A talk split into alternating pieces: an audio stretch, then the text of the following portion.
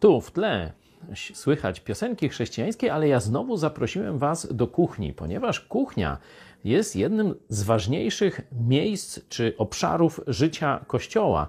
To przez kuchnię omal nie wywrócił się, nie rozleciał się pierwszy Kościół apostolski w Jerozolimie. To z powodu właśnie kłopotów przy wydawaniu posiłków zaczęły się kłótnie w pierwszym kościele. Apostołowie e, najpierw ruszyli ratować, można powiedzieć, kuchnię, ale wtedy zaniedbali Słowo Boże. Stąd pierwszy problem, który rozwiązali wspólnie, to było właśnie jak poradzić sobie z kuchnią. Stąd Jezus pokazuje nam, że sprawy tego świata, sprawy e, kuchni, sprzątania, usługiwania przy stołach i tak dalej są bardzo ważne. Jeśli tak, to nieprawdą jest koncepcja, że już teraz nic nas nie obchodzi, co dzieje się w tym świecie, nie obchodzi nas kuchnia, nie obchodzi nas sprzątanie, nie obchodzi nas ojczyzna i tak dalej, i tak dalej.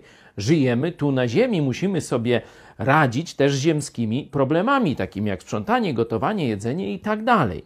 Oczywiście cały czas mamy pamiętać, że naszą ojczyzną jest niebo, do niej zmierzamy, ale póki co jesteśmy tu na ziemi. Kościół, który zatraci tę harmonię, tak jak ten Kościół apostolski, ryzykuje bardzo poważnymi kłopotami.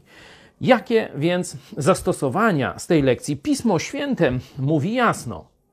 W Kościele nie biskupów obdarza się największą czcią, ale tych, którzy sprzątają, zamiatają, myją kible.